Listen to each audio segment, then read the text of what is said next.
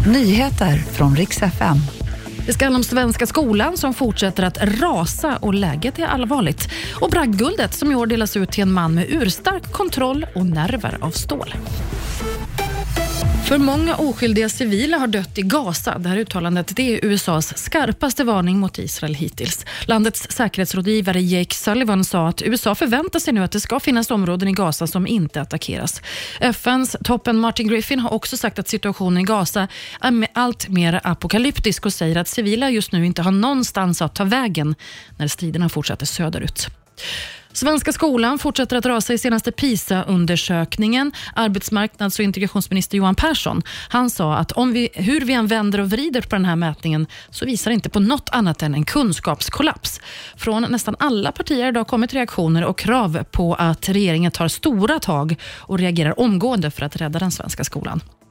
Bragdguldet har delats ut för 2023 och det går i år till Daniel Ståhl. Han vann SM-guld i diskus i somras i Budapest. Juryn skriver att han har urstark kontroll och nerver av stål.